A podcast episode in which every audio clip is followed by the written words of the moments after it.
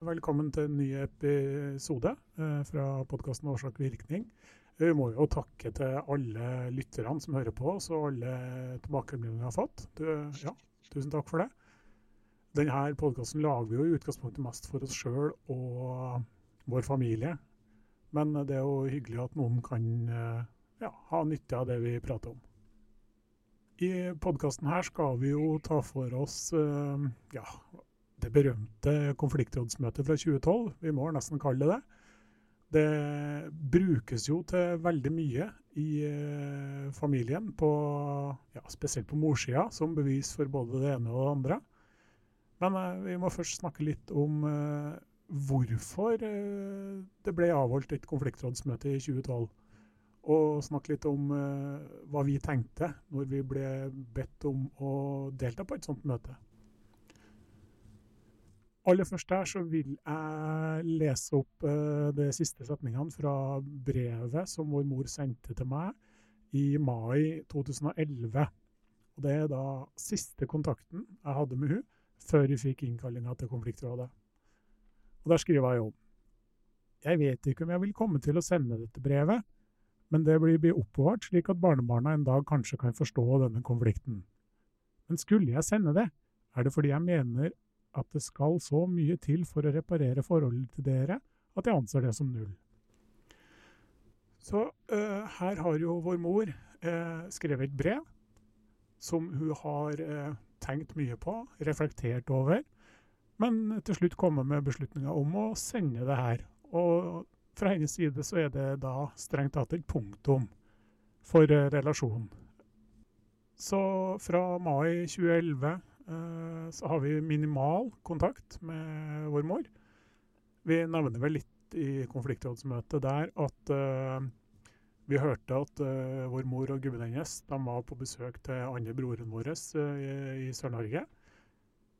kona mi sendte melding til dem og lurte på om de hadde lyst til å komme innom en tur og besøke barnebarna sine.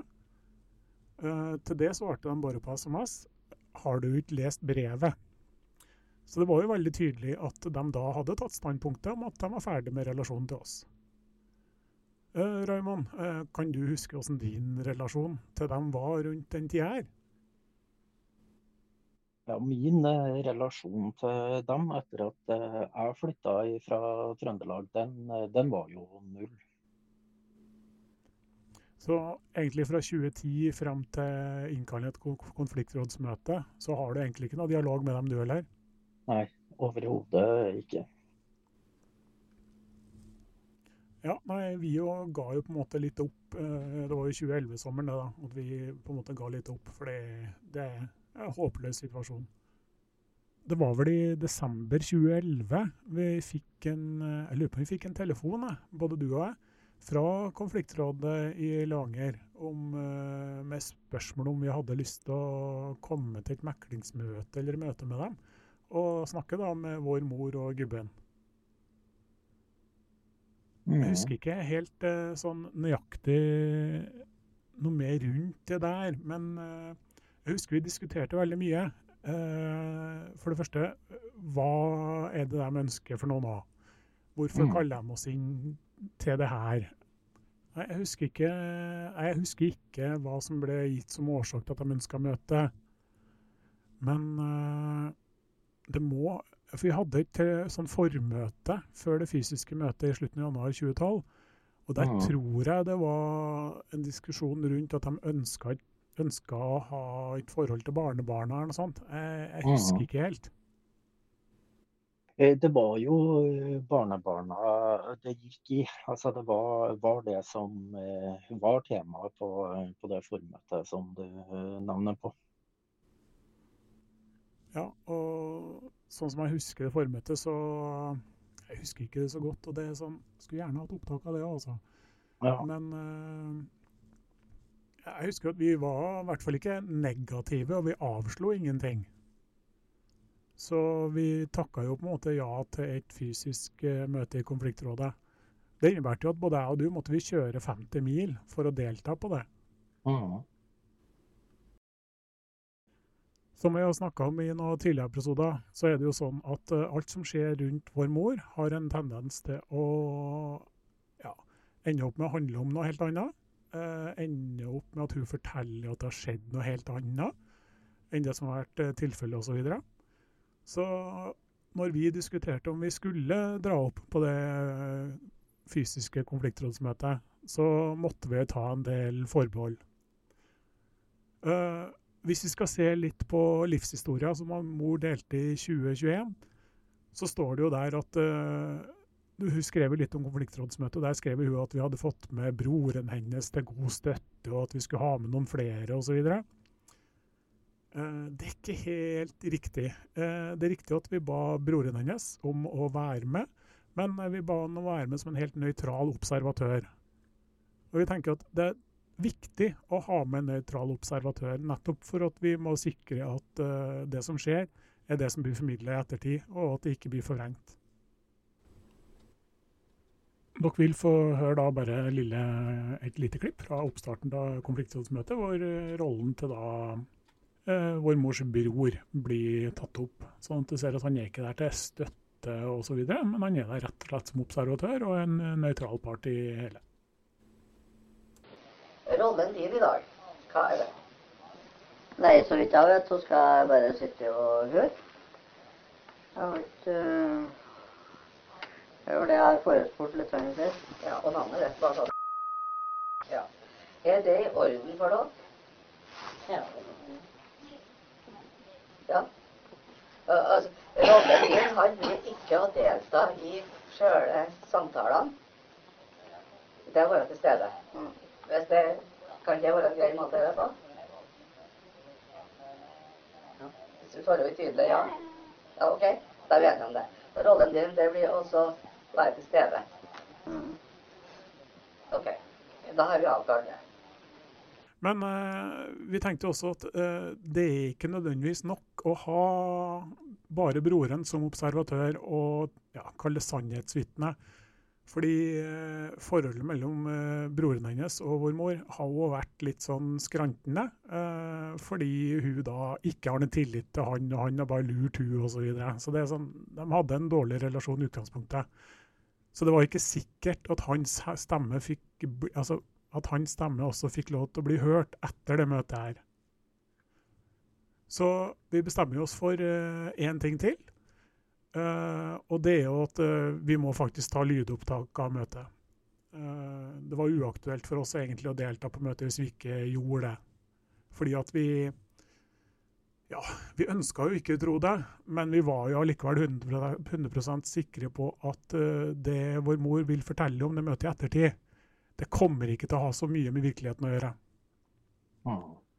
Og som vi skal snakke litt om seinere og dere, så fikk jo dessverre veldig, veldig rett i akkurat det. Det er jo rett og slett eh, basert på, eh, på tidligere erfaringer. Ja, absolutt. Og en av de andre tingene vi snakka om, det var jo det at uh, det var viktig for oss å ta opp en del ting som vi ønska svar eller forklaring på fra vår mor i det møtet. Og det handler om at vi har jo aldri fått et eneste svar fra hun på noe. Vi har kun fått motangrep, samme hva situasjonen hadde vært. Samme om eh, vi har tatt deg i grove ting og krever en forklaring på hvorfor gjør du det her, eller hvorfor har du sagt det her om denne her. og her. Så har man aldri fått. Man har fått uh, en kamp i retur om helt andre tema. Så for å være sikker her nå, så skulle vi ta opp ting med henne som flere kunne bekrefte. Det er ikke noe poeng i det møtet her å ta opp ting med hun som uh, f.eks. jeg eller du, Raymond, kun hadde opplevelse av alene med. For det blir bare påstand mot påstand. Men vi tok opp flere situasjoner som flere kjenner til. Mm. Ja, og, eh, og, litt av bakgrunnen nå for at vi, vi, reiste i det møtet, det er jo fordi at vi anså jo dette som en mulighet for å faktisk kunne stille henne direkte spørsmål. Altså der hvor hun måtte svare på våre spørsmål. Ja, vi så det som en gyllen mulighet, fordi vi har faktisk aldri vært i en posisjon som vi var den gang, til å stille hun direkte spørsmål og kunne forvente å få noe svar. Nei. Så ja, vi ville jo utnytte den situasjonen til å nettopp stille spørsmål og få svar. Men uh, sett litt sånn i ettertid, uh, fikk vi noe svar? Nei, det er jo ingen svar å få ifra hun, for uh, hun husker ikke. Uh, hun har annen versjon. Og, og, det er vel egentlig det som går igjen der hele veien. Altså, hun svarer jo ikke på et eneste spørsmål. Nei, og det er helt riktig. Uh, jeg tenkte jeg skulle ta en ting der, fordi hvis dere da husker brevet hun sendte litt over et halvt år i forveien, så skrev hun der at hun sendte ikke brevet med mindre, altså fordi hun så at det var ikke noen relasjon å reparere. Uh, og når du da kaller oss inn til konfliktrådet, uh, så ville man jo anta at uh, ja, hvis hun ønska en relasjon til oss, da, så ville man jo anta at hun ville åpne med noe sånt som at det var dumt å sende brevet her. Uh, skulle ikke gjort det, vi må starte på nytt. Eller altså legge seg på en måte, være litt ydmyk, legge seg litt flat. Uh, for å på en måte imøtegå noen ting. Uh, kan du huske om det var noe sånt som skjedde i møtet? Nei, overhodet ikke. altså, hun er jo ikke ute etter en forsoning overhodet. Eh, det eneste hun ønsker svar på i det møtet der, det er eh, hva vi mener med at de aldri har stilt opp. Ja, det er jo faktisk åpningsreplikken hennes i konfliktrådsmøtet. Fordi han eh, lederen av møtet han stiller jo spørsmål. Hva var hensikten, eller hva ønska dere med å kalle inn til møtet? Og Da stotrer mm. jo vår mor fram. Uh, uh, at vi aldri har stilt opp. Mm. Hva dere mener med det? Altså, jeg tror verken jeg eller du vi, og han lederen i konfliktrådsmøtet skjønner jo ikke hva hun babler om. altså Hva, hva slags spørsmål er det her? Det, vi sitter jo som noen spørsmålstegn, vi òg. Liksom. Mm. Ja, det er jo en fin og konstruktiv, fornuftig start. Eh, vi spiller av den åpninga her, så folk uh, hører det sjøl. Skal vi starte med mål? Og, og at vi snakker tydelig, så vi hører alle. Uh, spørsmålet er at vi aldri har stilt opp. Hva mener du med det? Hva er det for noe? Uh, forstår ikke hva du mener. At vi aldri har stilt opp på hjertet og støtta.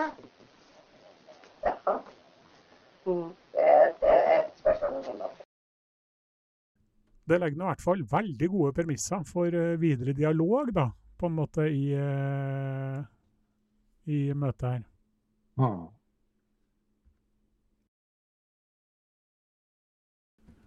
Jeg vil på en måte vinkle det litt inn til å se ting fra hennes perspektiv da i møtet. Fordi hun er veldig på å bruke ordet 'vi' gjennom hele møtet. Og da at uh, vi ikke har stilt opp, vi har en annen opplevelse. Vi, vi, vi. Og for oss da som er godt kjent med situasjonen, så ser jo vi hva som skjer her. Fordi at hun kjører jo gubben sin versjon og historie. Og ja, hans opplevelse. Og hans opplevelse i alt det her er jo at han øh, mener jo, og har jo, stilt opp øh, på de måtene han kan. Men det her handler om uh, dobbeltlivet til vår mor. Fordi som vi har sagt før, vår mor er ikke én person, hun er minst to. Og gubben hennes kjenner i veldig liten grad til, tror vi, den andre siden av vår mor. Det var veldig viktig for hun å på en måte holde seg til hans opplevelse under hele møtet. Og det gikk på 'vi har ikke stilt opp'. Hva mener vi med det? Altså, Mm. Altså, det er jo en ting vi presiserer opptil flere ganger i det møtet. Eh, på hvordan han eh, har stilt opp. Altså, det er jo ikke det som er et tema. Nei, og det gjør vi jo begge to gjennom hele møtet. Vi roser jo han både som en mm. god far og at han har støtta opp. Vi, har, vi mm. sa jo aldri engang der at uh, Altså, vi klagde jo ikke på noe på han, eller om Nei. han. Det var kun vår mor vi ville ha på en måte svar og forklaringer fra. Men uh, hun mm. snodde jo seg unna alt hele veien med å si at uh, enten jeg husker ikke, eller vi har en annen versjon. Men uh, det var jo Mm. aldri å snakke om noen annen versjon.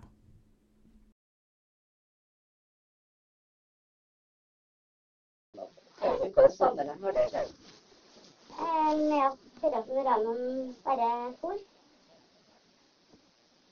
Så tror jeg vi prøv, prøvde det vi kunne med å hjelpe og støtte den og alt mulig. I hvert fall føler vi at vi gjorde det. Akkurat. Mm. Raymond. Men så tenkte jeg sånn På hvilken måte er du stilt opp og støtta meg på? Vi har støtta meg på alt. Vi har prøvd å hjelpe deg med alt mulig. Vi har betalt regninger, vi har passa unger, vi har passa hunder. Vi sto der natt og dag og prata med deg. Innebar det òg da de lønnene du spredde om meg? Jeg har løgna noen ting. Eh, Telefonene eh, du tok, eh, hvor du fortalte at du ikke trodde noe på meg? Eh, Det var alle de historiene du fortalte. Altså, det, det, det. Det Eh, De historiene du fortalte. Jeg er veldig nysgjerrig på det. Særlig forholdet Ja, hva var lønna til jeg har fortalt deg? det, det ble jo De ble bare mer og mer, og til slutt det ble bare å ja, Hva var det som var løgn med det? det, det Historiene forandra seg hele tida. Ok. Du kan gjerne se på noe. Nå prater jeg faktisk til deg. Ja, ok.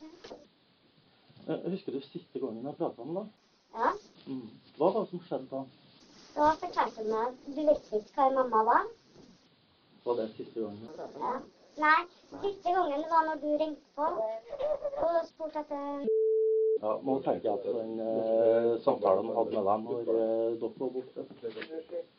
Når du ringte oppover, nei, når vi kjørte oppover, så ringte du, og så sa du det at du skulle til arbeid for å være mer i lag med ungene. At som vi som er kursomster på huset, så sa jeg nei. skulle å jobbe. Det var snakk om å slutte ene jobben min. Jeg jobba seks dager i uka. Jeg starta klokka tre på natta. Jeg var hjemme klokka fi mellom fire og fem om ettermiddagene.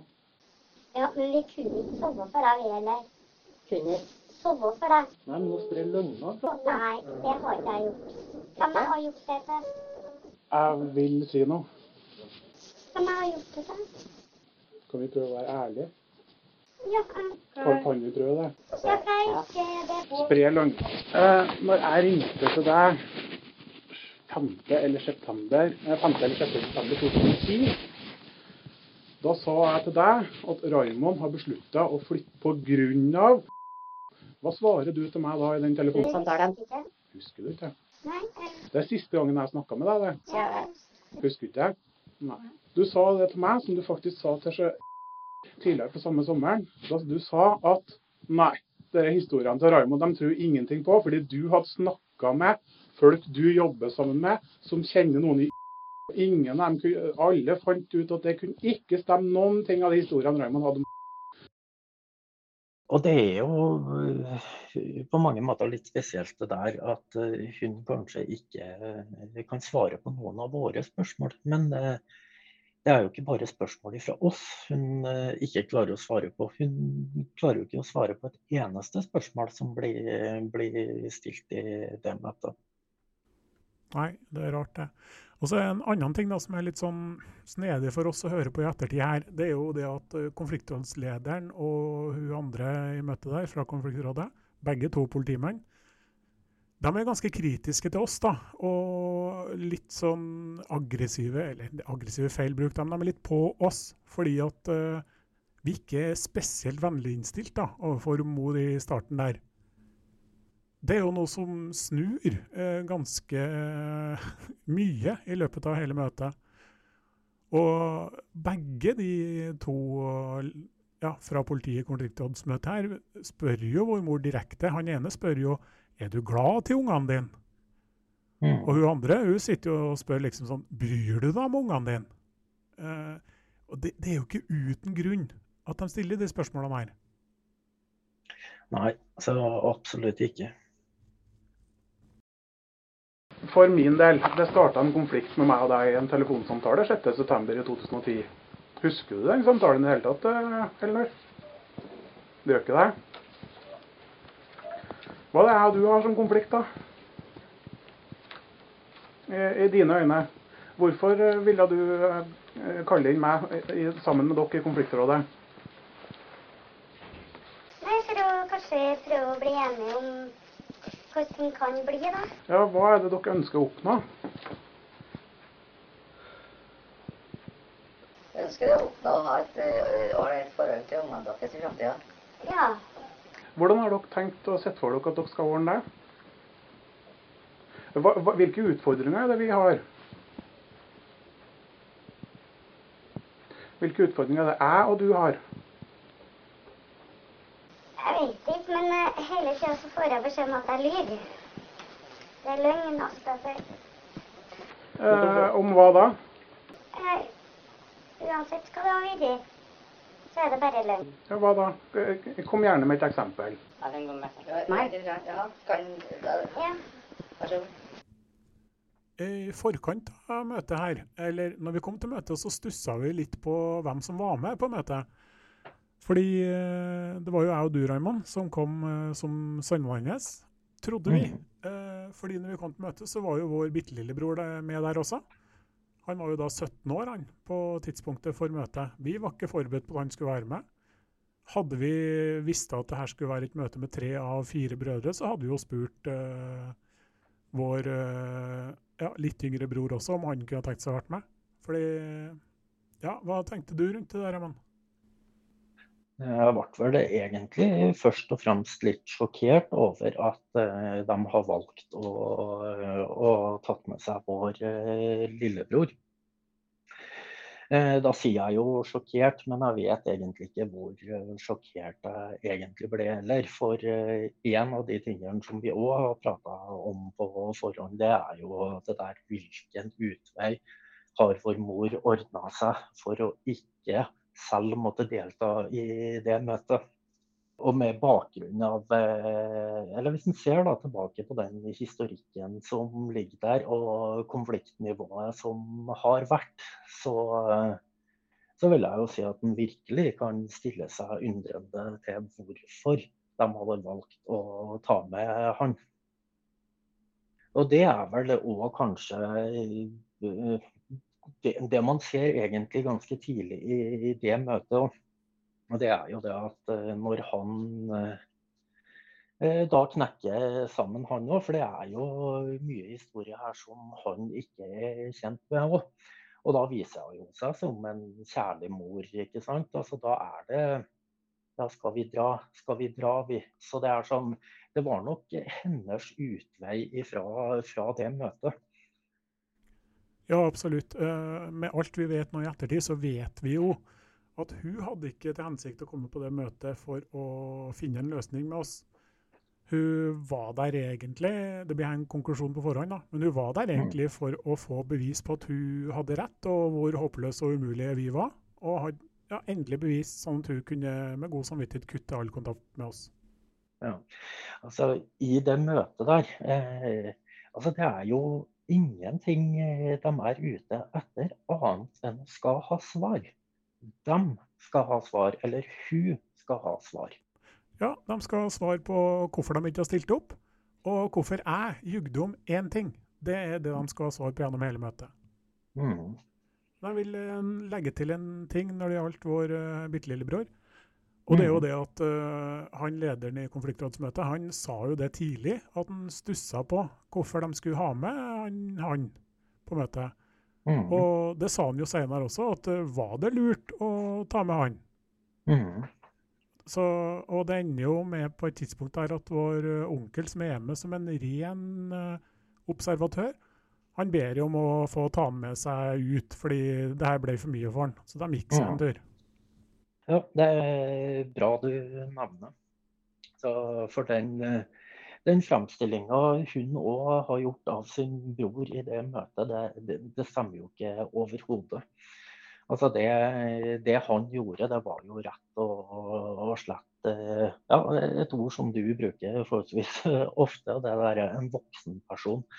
Altså Han tok jo faktisk ansvar og, og og, tok med seg vår lillebror, som du sier, ut. For det, dette, dette, var ikke et sted, eller dette er ikke ting han eh, trengte å ha noe kjennskap til. Nei, absolutt. Og han gjør jo en annen ting òg, som på en måte viser at han er ikke noe støttespiller for oss i det møtet. Fordi litt uti der også så sier han at du, jeg må bare si noe her. Uh, dere mm. snakker mye om uh, mor og far, som han kaller dem, som er våre besteforeldre. Og de er ikke her til å forsvare seg, så jeg ønsker at dere skal snakke videre, men ikke snakke om dem. Mm. Og det blir litt sånn han, han opererer jo ikke som noen støttespiller, da. Han er der som observatør og påpeker at uh, dere kan gjerne diskutere, men hold dere til dere sjøl. Ikke dra inn andre som ikke trenger å dras inn her. Mm. Vi må ta en liten pause fra den eh, podkasten og det vi lager her. Det, akkurat nå er det fredag 15 desember, og klokka er 03.49. Eh, som så mange andre netter, så har så egentlig hele saken her en veldig stor belastning og tar veldig mye av kapasiteten man har i hverdagen. Spesielt eh, episoden, eller hele hendelser rundt eh, konfliktrådsmøtet i 2012, den har eh, egentlig direkte ødelagt uh, hele familien uh, vår. Uh, den har følt det på en måte en totalsplittelse mellom oss tre brødre og vår da onkel, som på en måte ja, det er han som vi refererer til som år yngre enn vår mor. To år yngre. Vi er på en måte avskåret fra resten av familien, dvs. Si mor, onkelen som er ti år yngre, besteforeldrene våre, dvs. Si mor og far til onkelen som er jevngammel, pga. beskyldninger og påstander som vår mor og han da, yngre onkelen her eh, sprer om oss og kommer eh, Ja. Som de da sprer og kommer mot oss med.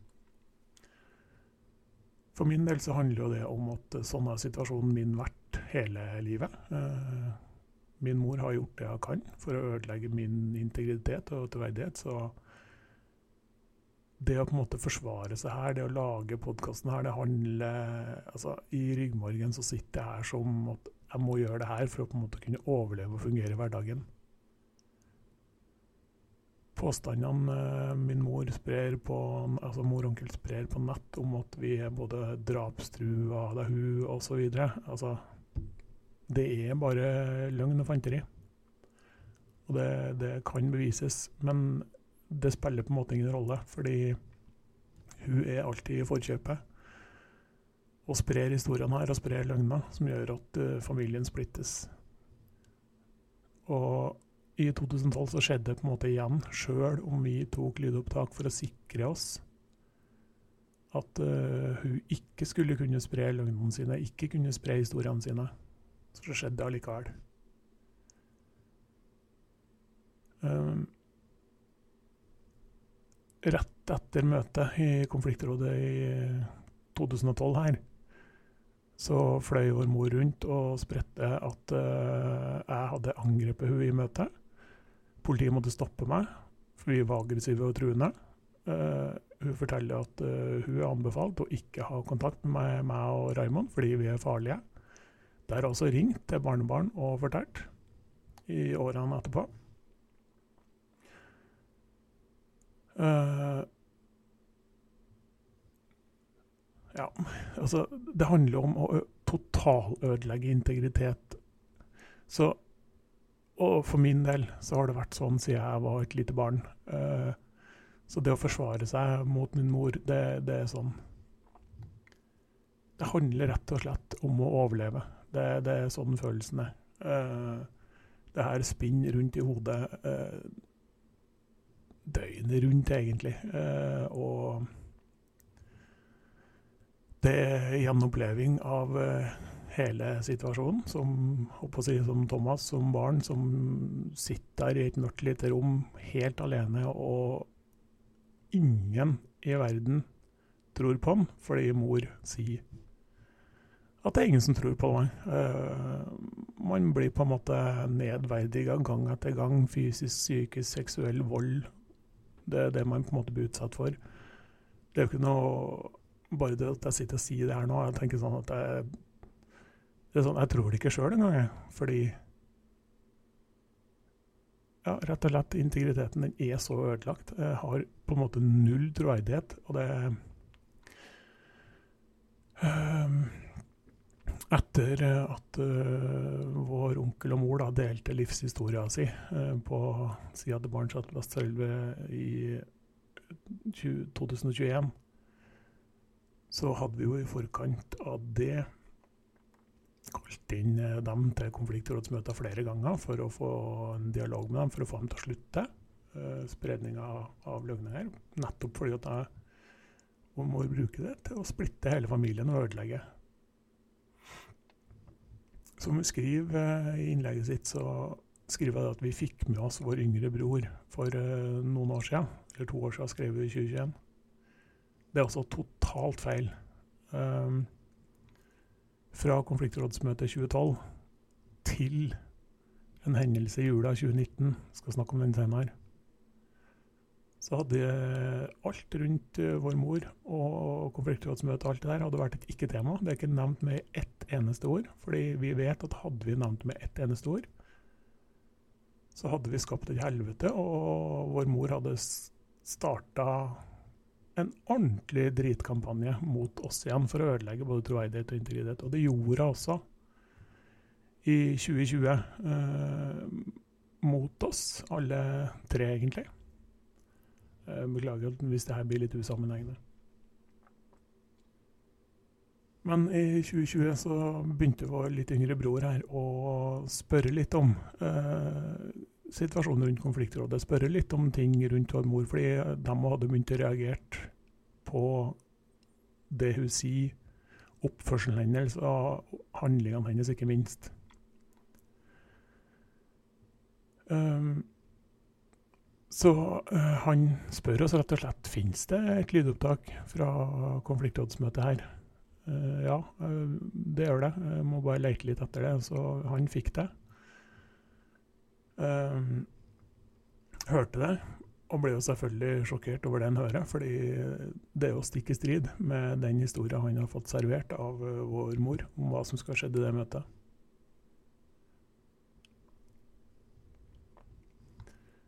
Det som da skjer, er at uh, vår mor igjen uh, setter i gang en storstilt kampanje, går og anmelder meg og Raymond for diverse ting som skal ha skjedd i 2012. Det skal da visstnok være bevist det da for vår yngre bror at uh, vi er ikke å stole på. Lydopptaket betyr ingenting. Det kan man ikke ta som grunnlag for noen ting.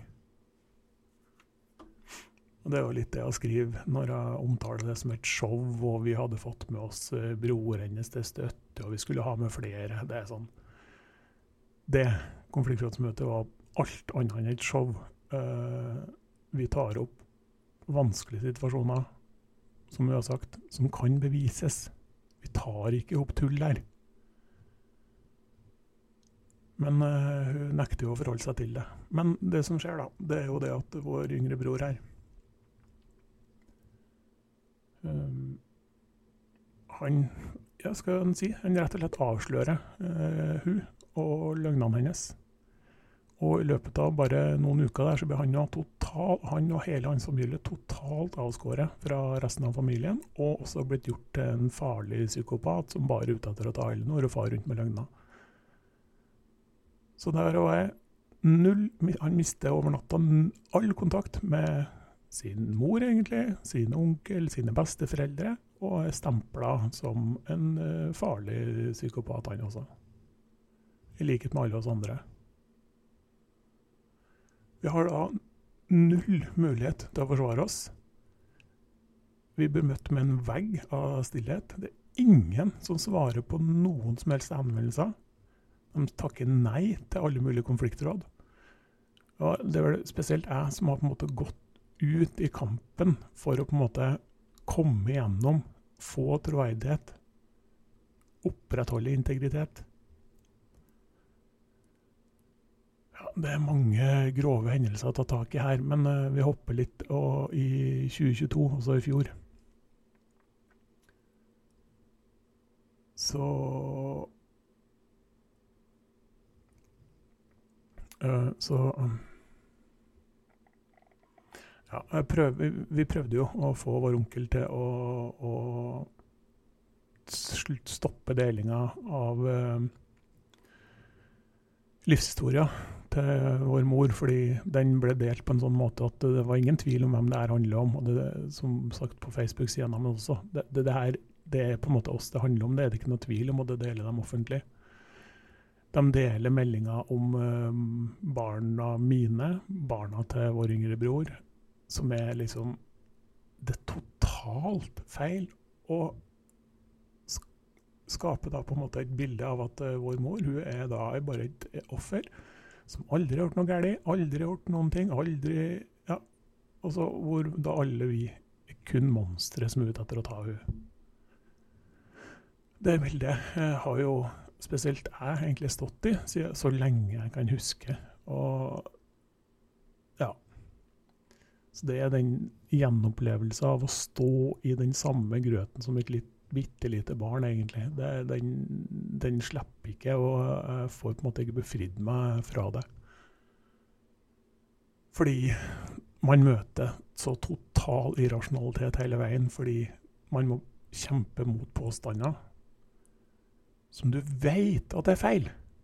Men samme hva du sier, samme hva du gjør, så blir alt bare vridd på.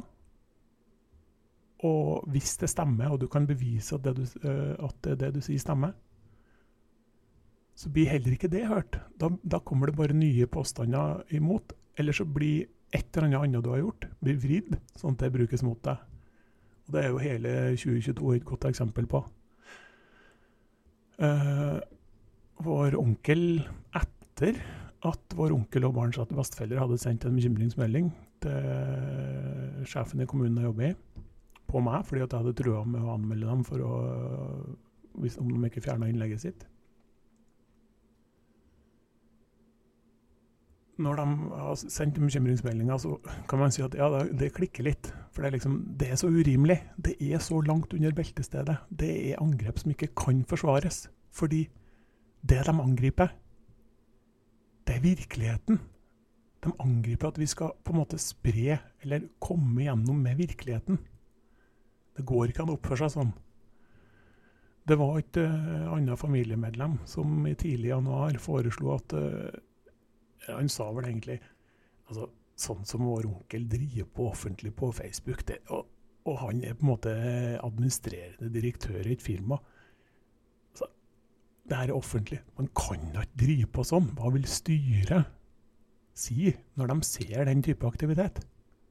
Og når det da i tillegg er på fullstendig falskt grunnlag? Så det er litt sånn, ja eh, Etter de sendte bekymringsmeldinga til sjefen i kommunen min, så klikker det på en måte litt for eh, meg og Raymond. Vi sender hver vår eh, mail til styret i bedriften hvor vår onkel jobber. Og det er ganske saklige mailer, det vi skal dele dem senere. Men bare hvor vi, hvor vi ytrer et ønske om at uh, snakk med vår onkel. Eh, be en eh, slutte delingene sine, og be en eh, takke ja til å møte oss i konfliktråd, sånn så vi, at vi kan snakke om det her, så vi blir enige om at det her er ikke måten å holde på på.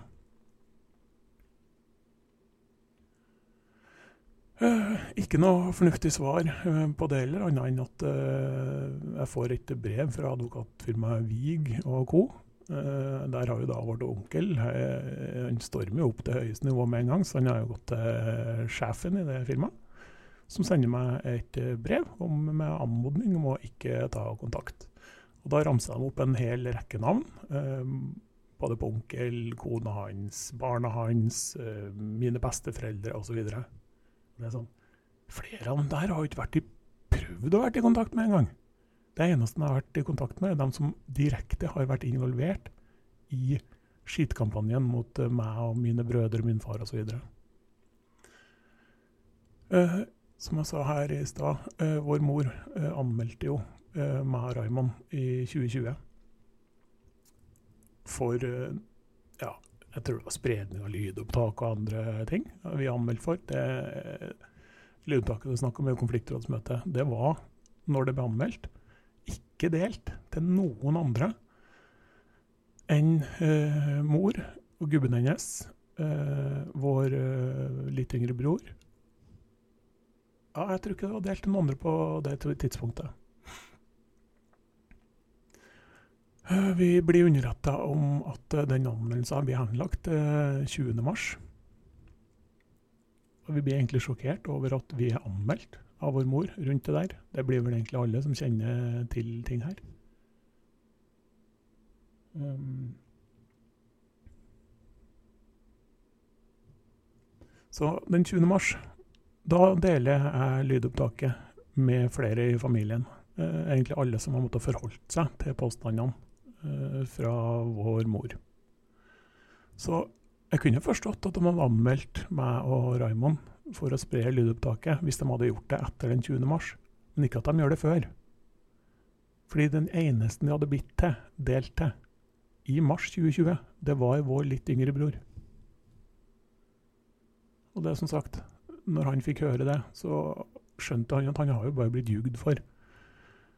Og vi snakker jo om det her litt, og det, det er jo Vi har jo aldri snakka sammen. Det er absurd. Vi er over 40 år og har aldri snakka sammen om opplevelser i oppvekst osv. Nettopp fordi at uh, vår mor har satt oss opp mot hverandre med påstander hun kommer med. Og det handler jo om hun må Ja, altså hun må rett Jeg vet ikke hvordan jeg skal forklare det, men det, det, det, det handler om at vi kan ikke snakke sammen, for da blir på en måte hun avslørt. Og det utrolige oppi det her er jo hvordan hun faktisk klarer å holde oss så splitta at vi aldri kan snakke om det som faktisk har skjedd, det som er faktiske tilfeller. Men det blir alltid vridd til at vi må forsvare oss mot egentlig egne reaksjoner på hvordan vi håndterer og blir behandla på måten vi blir da, av vår mor. Så det er alltid reaksjonene våre vi må forsvare. Det er jo derfor vi kalte denne podkastgreien her altså årsak-virkning. For det er virkningen av handlingene hennes vi må forsvare oss mot hele veien. Og det som jeg sa her, uh, hele 2022 er egentlig på en måte ikke bevis på det. Fordi uh, når jeg får det brevet fra den advokaten, uh, 25.2.2022 faktisk, så blir jeg egentlig ganske sjokkert. Fordi det her er helt urimelig. Det er vår onkel som sprer løgner om oss offentlig. Vi ber ham om å slutte. Og det som jeg påpeker til dem, i, for jeg sender dem mange mailer og forklarer, med dokumentasjon og forklarer og forklarer, og legger helt åpent og ærlig, uh, blir på en måte litt uh, besatt av å forklare og forsvare. Uh, for jeg tror jo, og håper jo, at det finnes voksenpersoner der som, som på en måte skal se og forstå at det vår onkel driver på med, og vår mor, da, det er sånn, sånn kan man ikke drive på. Men det er jo som vi hører, jeg vet ikke om det stemmer, men uh, han uh, daglig lederen, eller hva han kaller seg i det advokatfirmaet, han er på en måte en kompis av uh, vår onkel, og det er jo en kompistjeneste, fordi de, tar, de kjøper på en måte hans historie fullt ut, så jeg, jeg, tror ikke de leser et ord av det jeg skriver en gang. for man blir bare møtt med total irrasjonalitet og trusler om søksmål, anmeldelser, strafferettslige skritt, økonomisk erstatning for ditt og datt overfor onkel. De skal, altså, skal dele absolutt alle kontaktpunkter jeg har hatt med min onkel, min mor og to advokater fra det advokatfirmaet Vig. Alt det der skal deles på nettsida, sånn at dere ser at det her er ikke løse påstander. Dere vil også se at uh, tross alt så er kommunikasjonen med dem egentlig ganske rasjonell, eh, sjøl om den ikke oppleves som det. Altså, ja, det handler rett og slett om å forsvare seg for uh, å overleve. Det, det er på en måte det følelser som er sitter igjen. Det er på en måte Ja. Uh, grunn av at jeg svarer dem og legger fram hele historien ufiltrert, uh, for første gang da, uh, i podkasten 'Brevet fra mor', så tar vi for oss uh, brevet hennes. For første gang så svarer jeg på brevet hennes. Det sender jeg til advokatene og vår onkel. Uh, Ja, jeg svarer på en hel del andre rekke ting også. Svaret fra vår onkel og advokatene her, da, det er jo at de går og anmelder med oss. Uh, jeg og Raymond vil bli anmeldt uh, var det 16. mars i fjor. Det er en 78 siders anmeldelse.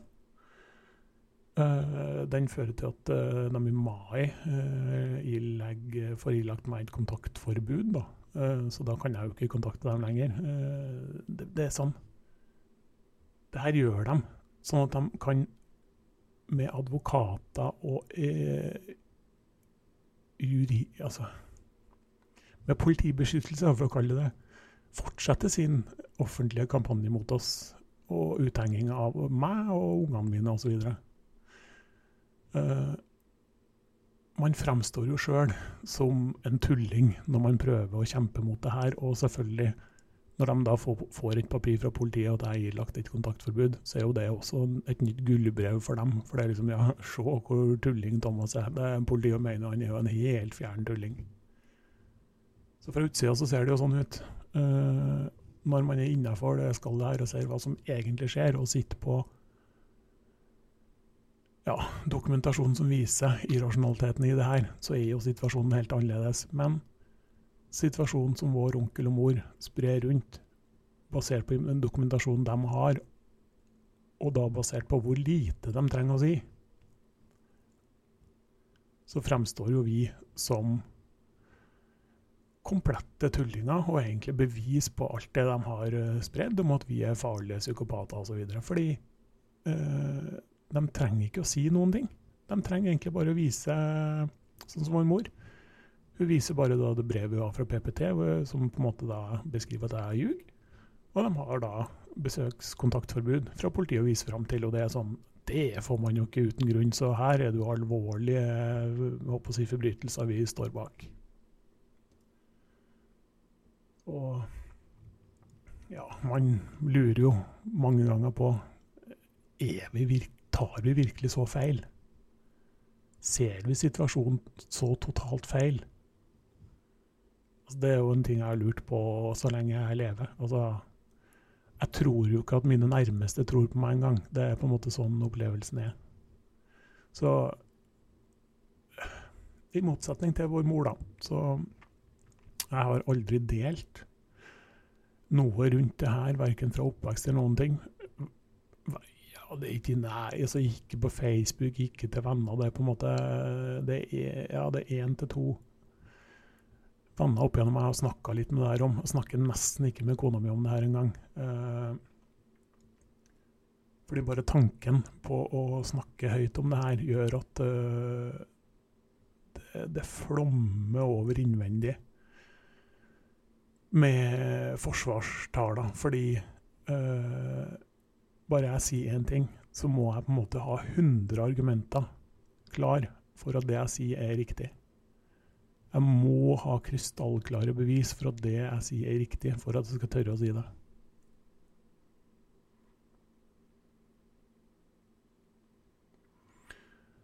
Uh, så det her Å lage podkasten her og sånn, det, det, er jo en kjempestor sjølmotsigelse. Uh, ja, men den lages i et håp om å få fram en ufiltrert, uh, virkelig versjon av alt. Fordi vi er så mange som lider under den offentlige uthenginga av vår mor her. Uh, fordi det er på en måte vår mor og onkels historie og versjon som er den som har satt seg ute i verden, som har satt seg oppi den lille bygda vi kommer fra.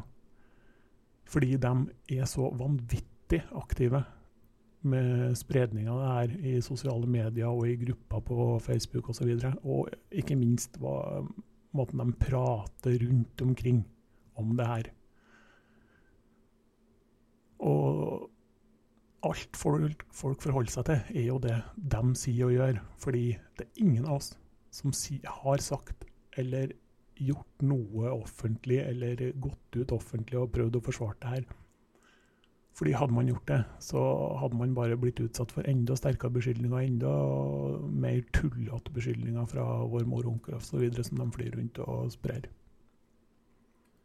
Så det er litt sånn, Uansett hva du prøver å gjøre av fornuftige ting, så blir du møtt med så mye irrasjonalitet og ufornuftighet som du er nødt til å forsvare deg mot. Så det, det, det, det er så totalt ødeleggende. Uh, et av mine første budskap til dem i 2022, tidligere når jeg prøvde å få dem til å slutte den offentlige delinga, var det at slutt å angripe så mange. Dere må gjerne ta meg, men hold dere til bare meg. Ikke gå etter barna mine, ikke gå etter faren min, ikke gå etter noen som ikke har noe med det her å gjøre. Men de går jo så bredt ut, og det handler jo om at de, vår mor da spesielt, hun må gjøre alt hun kan for å fremprovosere irrasjonalitet fra meg, som hun da kan bruke til å bevise at alt hun sier, er riktig. Det at hun offentlig delte en uh, bursdagshilsen om uh, eldstedattera mi med grove påstander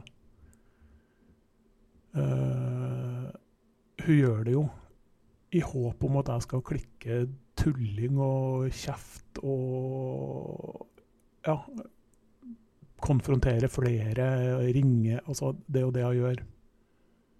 Heldigvis er alt jeg gjør, egentlig bare å kommentere eh, på det at eh, det finnes eh, alltid to sider i en konflikt. Og du er ikke nekt Altså påstandene du kommer med om oss, altså oss som foreldre, i den bursdagshilsen, den stemmer ikke. Og det er alltid to sider i en konflikt. Og du har, fikk muligheten i 2012 til å kunne prøve å reparere litt for å kunne ha et forhold til barnebarna. Men du gjorde alt for å sabotere.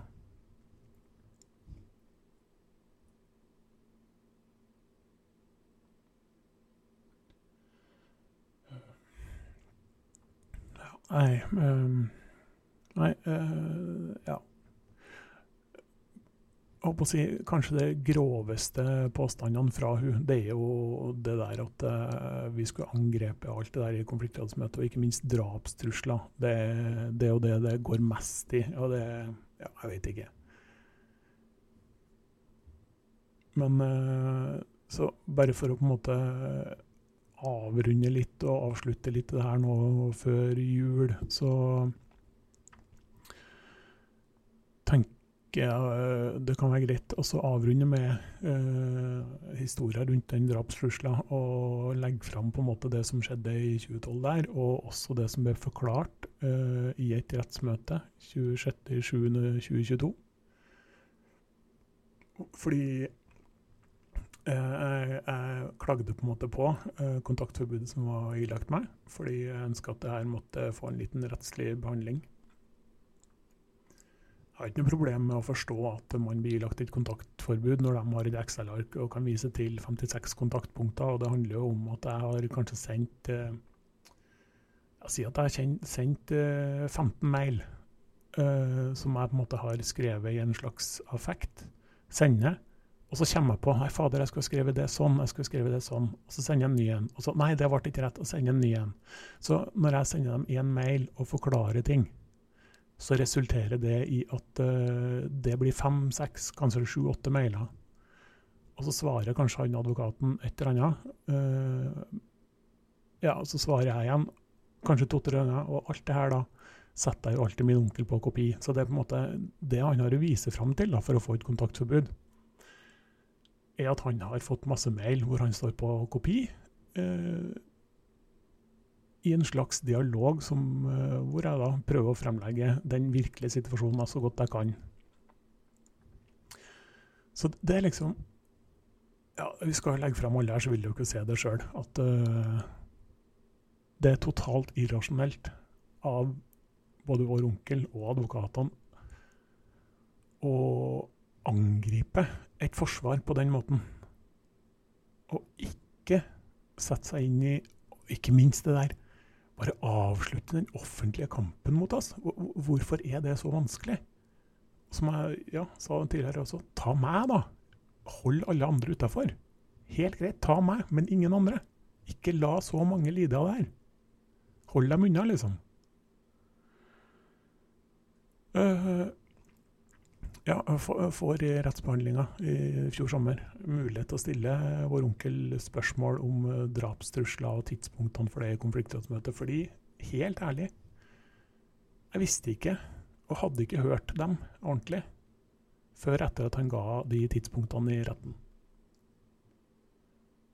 Eh, jeg får jo heldigvis spurt han om eh, det da. Altså, han jo, var jo ingen del av det her i 2012 engang. Men jeg fikk jo spurt også om han da mener at det her var direkte drapstrusler fremsatt overfor mor i 2012.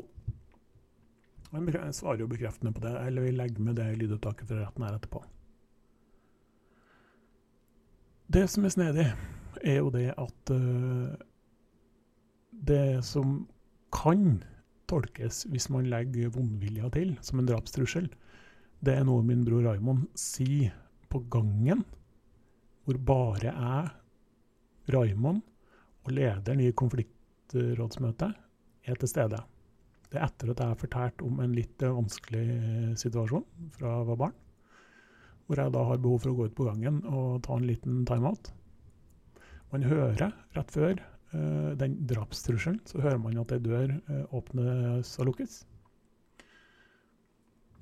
Min bror forteller til han lederen i konfliktrådsmøtet, som er politiførstebetjent, han forteller om en situasjon uh, hvor han hadde snakka med politiet for at han ønska at de skulle ta kontakt med vår mor, sånn at hun, duk, hun ikke dukka opp på en uh, skoleavslutning eller noe sånt.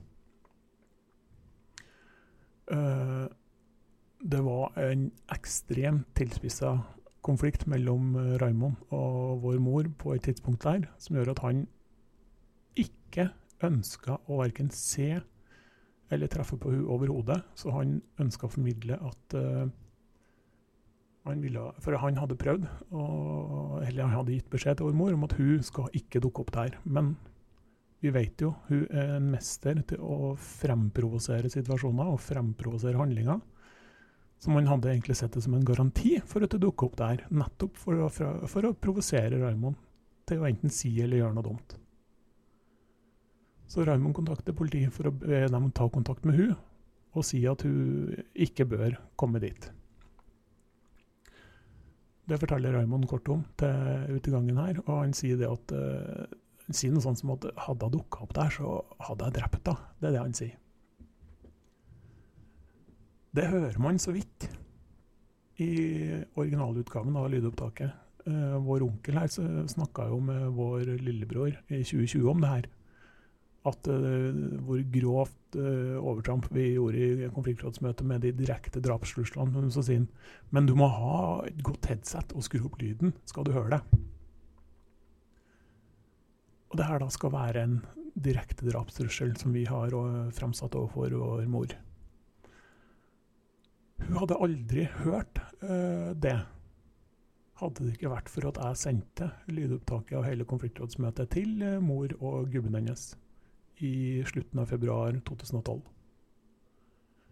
Eneste grunn til at jeg sendte dem opptaket, var nettopp fordi at jeg hadde snakka en del med gubben på telefonen der etter møtet, fordi de ikke fulgte opp. De tok ikke kontakt, med familieterapeut osv., som vi ble enige om. De tok ikke telefonen, de svarte ikke på henvendelser.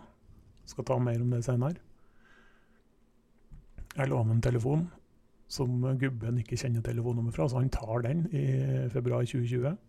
Han serverer meg da en historie om at eh, nei, de fikk råd fra konfliktrådet om å ikke ha mer kontakt med meg og Raymond, uh, fordi vi var farlige. og ja. Han fortalte også at uh, politiet måtte stoppe meg fra å angripe vår mor under møtet, og at vi var aggressive og truende. Ja, En kom rett og slett med masse påstander om hva som skal ha skjedd i møtet som ikke har skjedd. Og det er jo det her vår mor osv. gikk rundt og spredde umiddelbart etter uh, konfliktrådsmøtet var ferdig.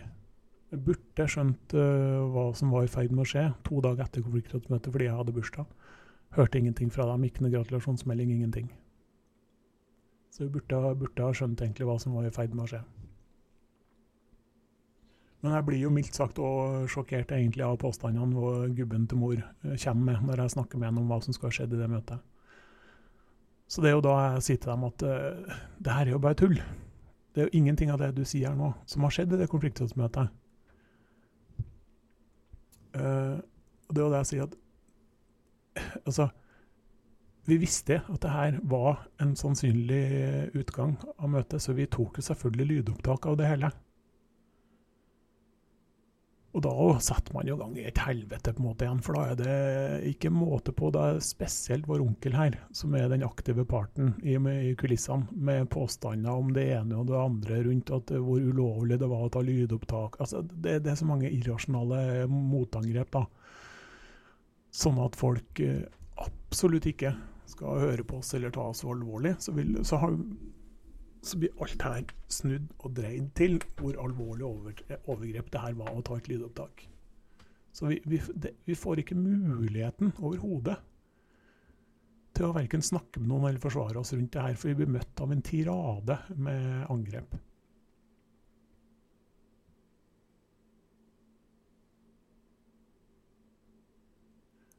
Jeg er litt usikker på hvordan jeg skal fortsette Men ja, i hvert fall. Jeg sender dem uh, det lydopptaket, jeg tror det er 27.2. Så sender jeg dem en kopi av det lydopptaket, så de kan høre sjøl at de påstandene de kommer med, de stemmer ikke. Og så vidt vi har skjønt, da, så jobber jo vår onkel her da veldig mye med det lydopptaket. Han, jeg tror han sa en gang at han har transkribert hele. Og har jo sagt til flere etter at det er jo det er liksom bare Ja, det er et show hvor vi bare kommer med masse påstander og beskyldninger som ikke stemmer. Alt er løgn. Det er sånn Alt jeg tok opp i konfliktrådsmøtet her, kan bekreftes og bevises av andre. Og det handler jo nettopp om det. At alt du sier, blir betvilt. Ja.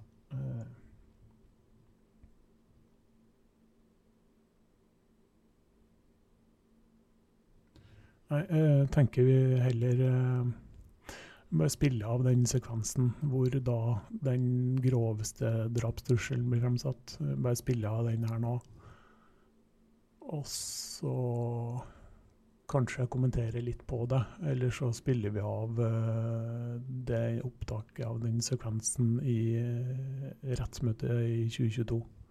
Hvor vår onkel bekrefter på en måte historien rundt drapstrussel, og den er virkelig. Og at uh, ja, ja, Så får dere hørt litt, og så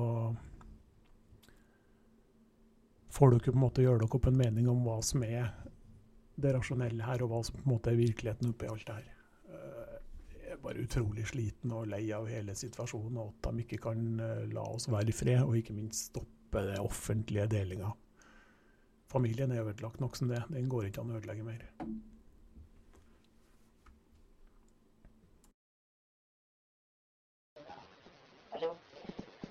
Ja, jeg har bare lyst til å si noen ting. Og det er jo det. Eh, den opplevelsen du har hatt av meg siden jeg ble kjent med deg, det er egentlig det at eh, jeg har hatt veldig mye konflikter. Og det, alle dem tror jeg egentlig bunner i at jeg reagerer på behandlinga hun gir til Raimo. For det, det, var på et stadie, eh, da var jeg 16-17 år, det var på et stadie jeg hadde gitt opp meg sjøl i forhold Mine kamper opp mot henne hadde jeg gitt opp for lenge siden da. Fordi det var ingenting for meg å hente der. Jeg har blitt beskyldt både fra hun og mormor og morfar om at jeg er jo bare en manipulert drittunge fra Morten. Eh, det er liksom, Jeg er en jævels utsending da, som er ute etter å lage bråk og trøbbel for hun hele tida. Jeg har gitt opp meg sjøl personlig. Ja, da. Og jeg, jeg, har en historie. Jeg, jeg, jeg klarer ikke å gå inn i detalj hva den handler om. Men det er den historien som egentlig gjorde at jeg personlig ga opp å ha en mor. Altså Jeg ga opp troen på at det kunne eksistere noe for meg som er en mor. Det er samfunnsaften i 1989 hvor Elinor er borte hos en som heter Roar fra klokka ti på kvelden til klokka ett dagen etter. Det som skjer mellom der, jeg orker ikke gå i detalj på det, men det er en ting som kan sjekkes opp med naboene som bodde rundt oss der. Vi hadde bl.a. en sykepleier som var nabo. Det jeg opplever der, det er uh, Det er et av de uh, Det er det er, det er et av mitt livs verste mareritt som barn. Jeg var tolv år den gangen. Og det jeg opplevde i ganske mange timer der, er det at Sånn som jeg opplevde da, er at far min dør. Han, han ligger der faktisk, han dør. Han har det som i ettertid har fått uh, forklart, er panikkangst. Han putta inn på flere valium. Han klarte ikke, altså han hadde en puls ut av helvete. Jeg var sikker på han døde. Han sprang rundt. Han var helt, helt i harnisk. Han var sikker på han døde. Jeg var så inn i granskauen ut av meg. Jeg, jeg hyla. Jeg sprang ut gjennom døren av huset. Jeg hyla mamma. Mamma, jeg ropte, jeg ropte. Uh, og øh, hun satt borte hos en ro... Jeg var borte på døra der og ringte på gang etter gang etter gang. Han kom ut. Nei, hun er ikke her. Jeg så henne satt i sofaen der inne.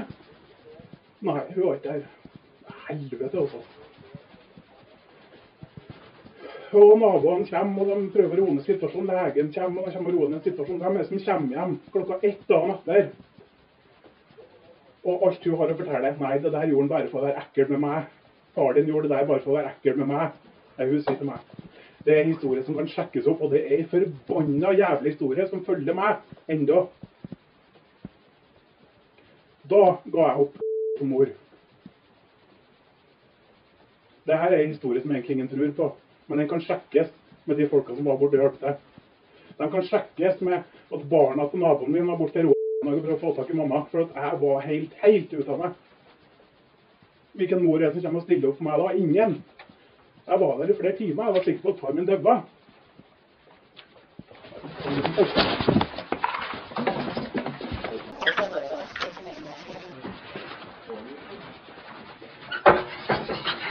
skolen slutning av at eldstedattera mi når jeg var i kontakt med politiet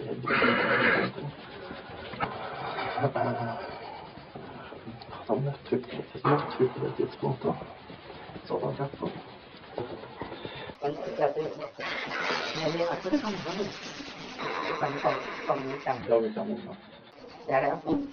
Ja. Og, jeg har eh, de to guttene veldig mye. Han pratet med dem, det var litt var.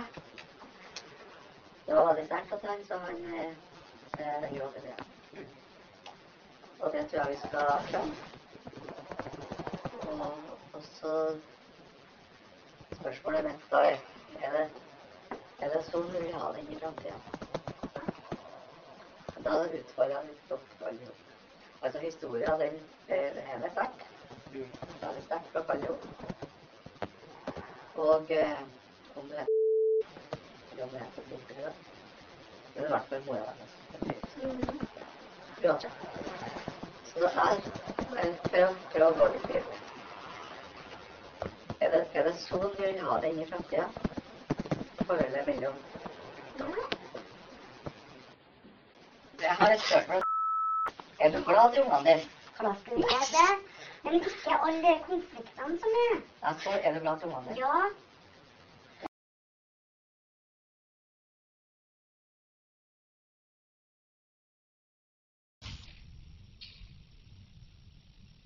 Så er det et spørsmål om eh,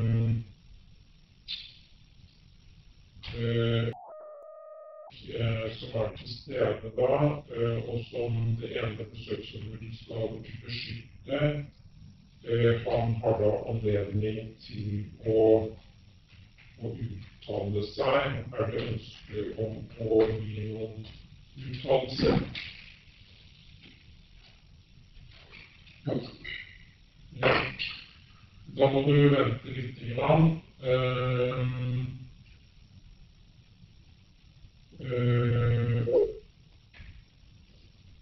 det jeg da må ha, er å ha ditt eh, fulle navn. Og så er det Men Ja.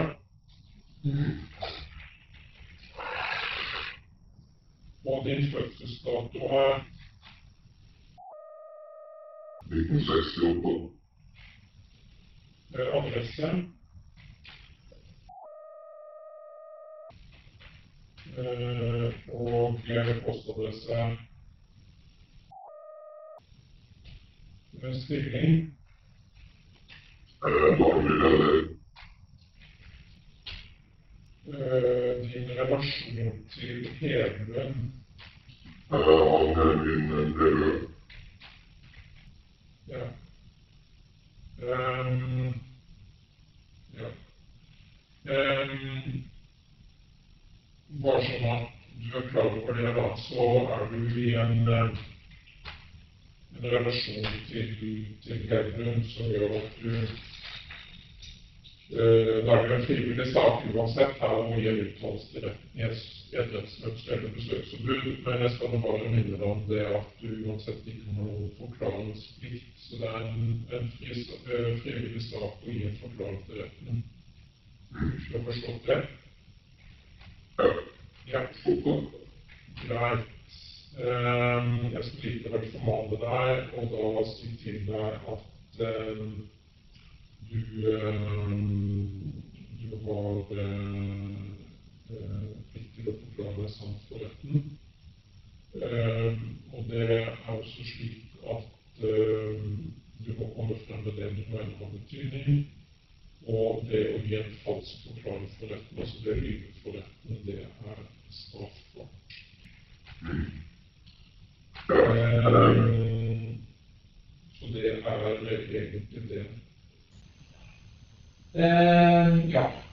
Hva vil du Nå har jo du eh, Det ligger også en til Vi er på besøksforbud fra advokat Ødegaard her 30. juni 2022 med en del vedlegg, så det har vært mottatt.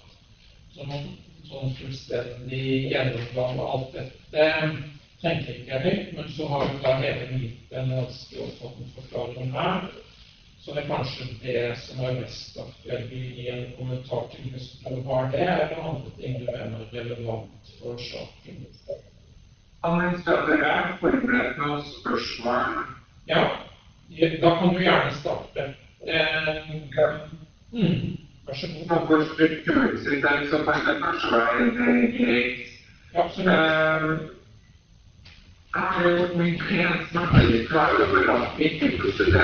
I retten,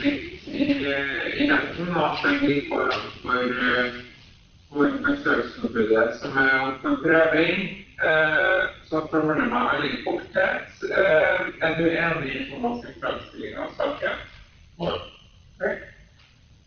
Eh, Kan du si noe kort om bakgrunnen for anmeldelsen av Rampe kort? Ja, vi, eh, vi prøvde å stanse for å håndtere denne saken. At, eh, så derfor denne anmeldelsen det berørt. Og hva er grunnen til at du har fått eh, kontakt med advokatfirmaet? Vi trenger juridisk hjelp for å håndtere det her og behandle på beste måte.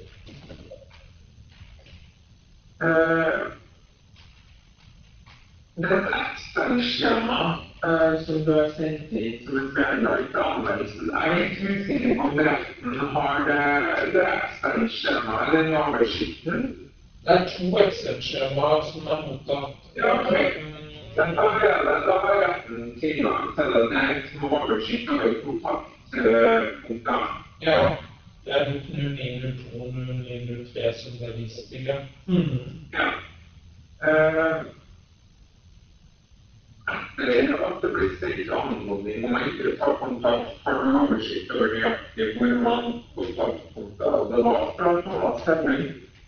Ja, etter eh, så er det 56, eh, 56 eh, kommunikasjoner utgitt av Thomas Gjerdeland i den oppgrensen her.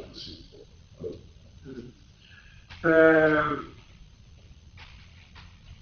Frykter du at han vil ta kontakt videre? Det. Hvordan påvirker denne kontakten deg? Nei, den eh, påvirker jo meg negativt på personlig og profesjonelt. Da har jeg ingen flere spørsmål. Eh, fremgår eh, sikkert av denne oversikten, men når var sist gang hele tok kontakt med deg? Eh, Sånn cirka. Ja, det, altså det er nok konsekvenser her i mai da, som går eh, direkte til meg. Ja, det er Mm.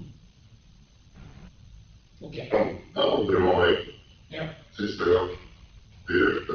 Etter jeg har gått eh, halv østfor i stor jobb.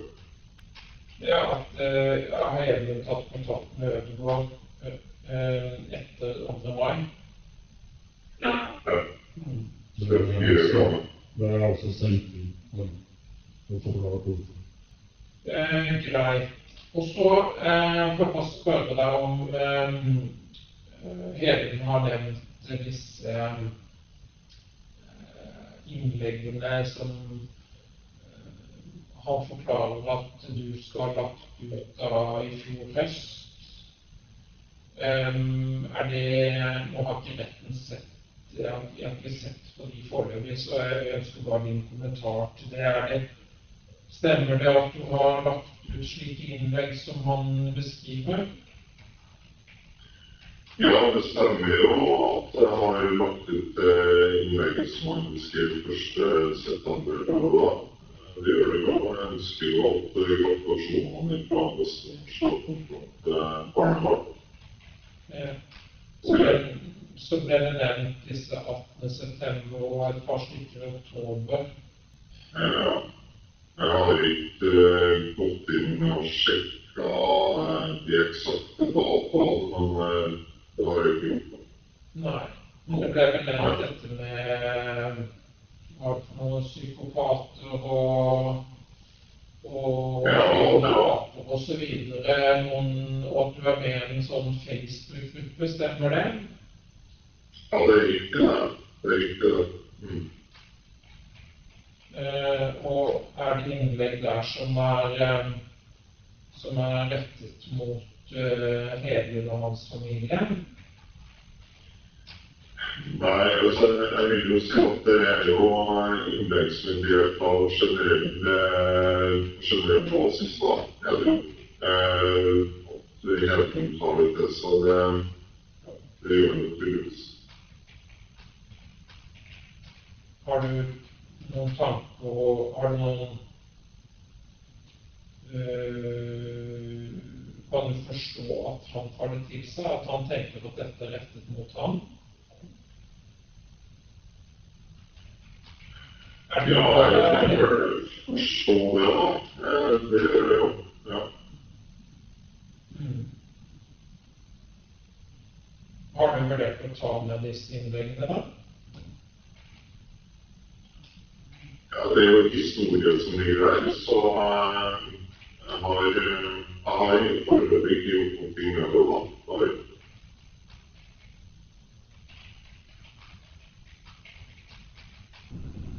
Ehm, Når du sier du ikke er enig i fremstillingen til Hedlund, hva er hovedpunktene du er uenig i? Kan du si noe om det? Eh, For det første så er det vel min inntreden i saken ble referert i 2012.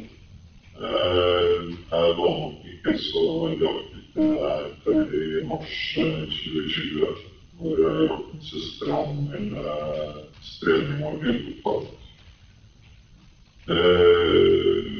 Eh, og så påstår Hedvig at det er mye løgner som spres. Det er også mye enig i. Det virker at man har spredt rundt omkring er min påstand om drapstrusler.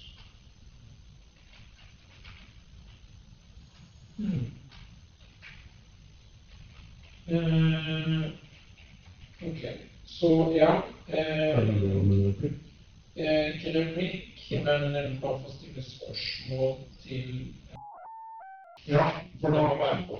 Da vil jeg stille samme spørsmål som jeg gjorde til Ainander i fjor. Fint om du kan fremlegge tidspunktene, for du påstår det er to drapstrusler. Og jeg syns det er synd Ikke kommentar. Spørsmål. tidspunkt for de to drapstruslene i konfliktrådsmøtet. Så kan jeg, så kan jeg gjerne spille dem av også. Spørsmålet er har du tidspunktet for disse, disse eh, drapstruslene det som spør om? Har du kommentar, kommentar til den? Det, det har jeg. Eh, skal vi se. Det lar seg vel enkelt avgjøre når dette møtet i konfliktrådet, vil jeg tro. Ja, 26. i første. Det første, første drapstrusselen i konfliktrådsmøtet kommer etter eh, 42 minutter og 15 sekunder. Den andre kommer etter rundt 2 timer og 6 minutter og 19 sekunder. Kan du kort beskrive hva de truslene i? For det I innlegget som noterte levert 17.11, så er det presentert at begge, både meg og Raymond, kom med drapstrusler. Nei, det var Raymond som uttaler det. Hadde jeg møtt henne på det tidspunktet, så hadde jeg drept henne. Da refererer Raymond til Du har ikke lov til å få det spørsmål, og nå svarer han på det spørsmålet. Hadde jeg møtt Du sa hadde jeg møtt Hadde jeg møtt henne på hadde jeg møtt henne på dette tidspunktet, hadde jeg drept henne. Ja. Så er om den andre også, vil jeg tro. Og den går i den andre trusselen. Av den jeg litt mildere. Hadde jeg møtt, jeg møtte deg da, så vet jeg ikke hva jeg hadde gjort. Jeg hadde ikke sett noen unger rundt meg.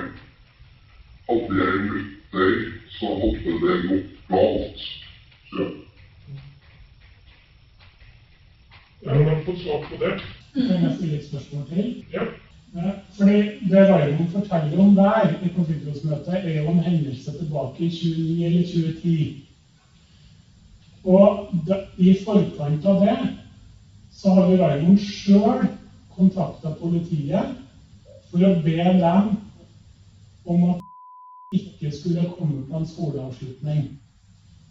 Det er der Raymond forteller om det, og det er der han, han forteller at han er redd for hva som skulle skje. Oppfatter dere virkelig det? At vi kommer med to drapstrusler på i konfliktrådsmøtet i 2012? Er det det som er konklusjonen og oppfattelsen av dere av møtet i 2012? Jeg syns det er veldig, veldig rart. Er det et oppfatter du som drapstrusler? Spørsmålstegn? Ja eller nei? ja. Ja. Ja. Var det Flott beslag i eh, spørsmål? Jeg ser ikke helt uh, relevansen av det her for å avgjøre spørsmål om besøksforbundet. Nei. Men nå har vi fått, uh, siden dette uh, for, Ja, men da har vi tatt det.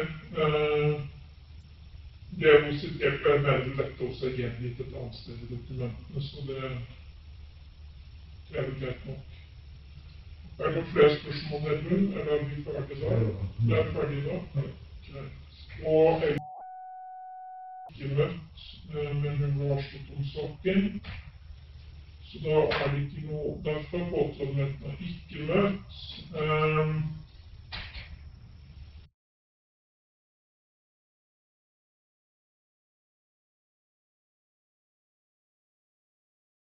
Jeg må jo bare kommentere litt videre på det her, eh, bare sånn så dere er klar over det. Et besøksforbud er jo på en måte en objektiv, eller besøkskontaktforbud er jo på en måte en objektiv vurdering politirett gjør, basert på om en person syns det er belastende å bli kontakta av en annen person. De går ikke inn subjektivt og vurderer hva kontakten består i. Eh, Jeg skal jo selvfølgelig legge fram absolutt all kommunikasjon her, og den røde tråden i absolutt alt her er at man på et rasjonelt vis ber om at eh, onkel og co. avslutter de offentlige delingene og på en måte kampen mot alle oss. Jeg vil også si at den anmeldelsen som eh, det refereres til i rettsmøtet, den var jeg faktisk ikke klar over før eh, tre dager etter rettsmøtet, fordi jeg da får en melding i Altinn om en ja, vedtak i en anmeldelse, eller hva man skal kalle det. jeg legger ut de anmeldelsene fordi de kan være interessante å se på. Men det er i hvert fall avgjørelse at uh, saken henlegges, da det ikke er grunnlag for å undersøke om det finnes et straffbart forhold.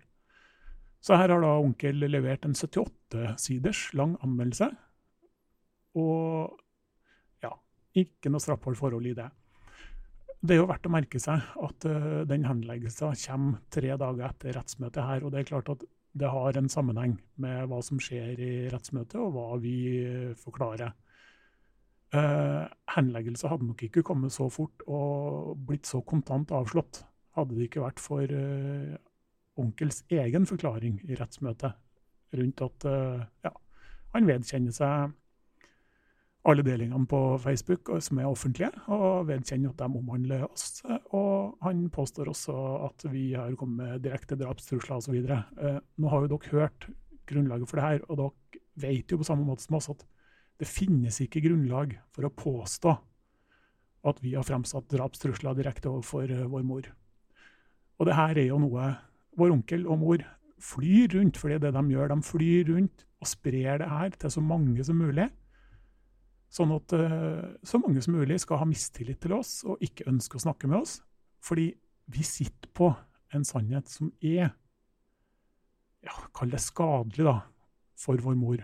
Og spesielt min historie, er skadelig for hun. Fordi ja, fordi den rett og slett inneholder grov eh, omsorgssvikt, grov psykisk, fysisk og seksuell vold ut, som hun har utsatt meg for fra jeg var liten. Og det handler om uh, et kontrollbehov som er Ja, det, det Ja. Uh, ja.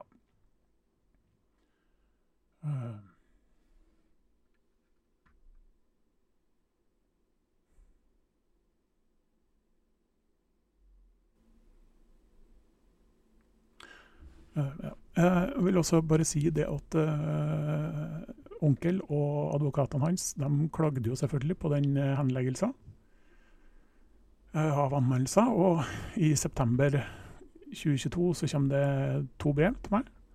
Jeg legger også dem ut på nettsida vår. Uh, det ene er fra Øst politidistrikt, hvor de opprettholder henleggelser. Og det ikke finnes grunnlag for å undersøke eller eh, sjekke om det, vært, om det, her er et straffbart forhold. Og De poengterer at selv om grunnlaget for besøksforbud var til stede, så er det overhodet ingen grunn til å tenke at det her er et straffbart forhold. Det kommer sammen med et brev fra statsadvokaten, som også poengterer at det er ikke noen grunn til å, til å ikke opprettholde henleggelser, og eh, avgjørelser kan ikke påklages videre. Det poengteres også fra dem at eh, det er ikke noe poeng i å henvise det her videre til konfliktråd heller, fordi det er forsøkt veldig mange ganger fra oss. Så det blir sånn Det her er en kamp, på en måte, mot sinnssyk irrasjonalitet.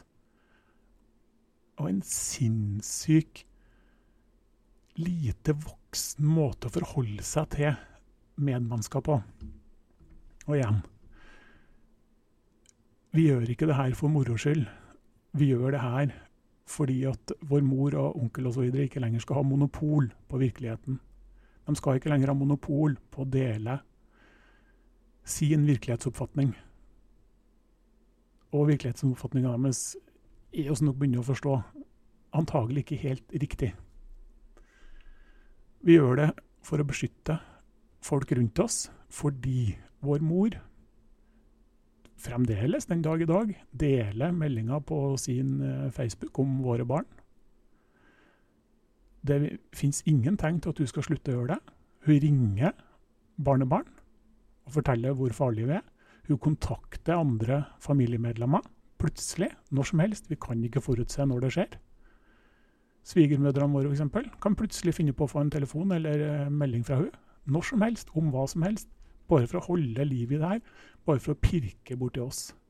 Og det må på en måte ta slutt. Det kan ikke få lov til å fortsette.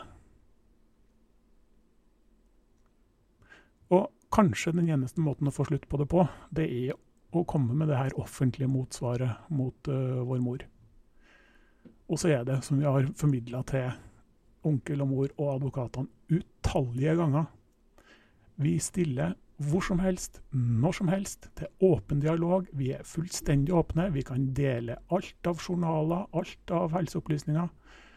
Fordi det er sånn Vi sitter ikke og finner på at vi har psykiske senskader pga. oppveksten med vår mor.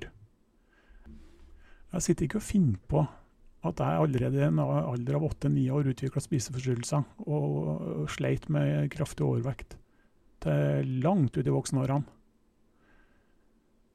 Jeg sitter ikke og finner på at jeg har slitt med tunge depresjoner pga. at jeg må håndtere alle traumene inni meg. Det her er solid dokumentert i mine journaler. Det er liksom Du skal ha en jævlig god fantasi for at det her skal være dikta opp, og ifølge vår onkel kun for å ta vår mor. Hadde det vært målet, så hadde vi jo gjort det for utrolig, utrolig lenge sida. Det, det, nei, jeg, jeg gir opp, egentlig. Men uh,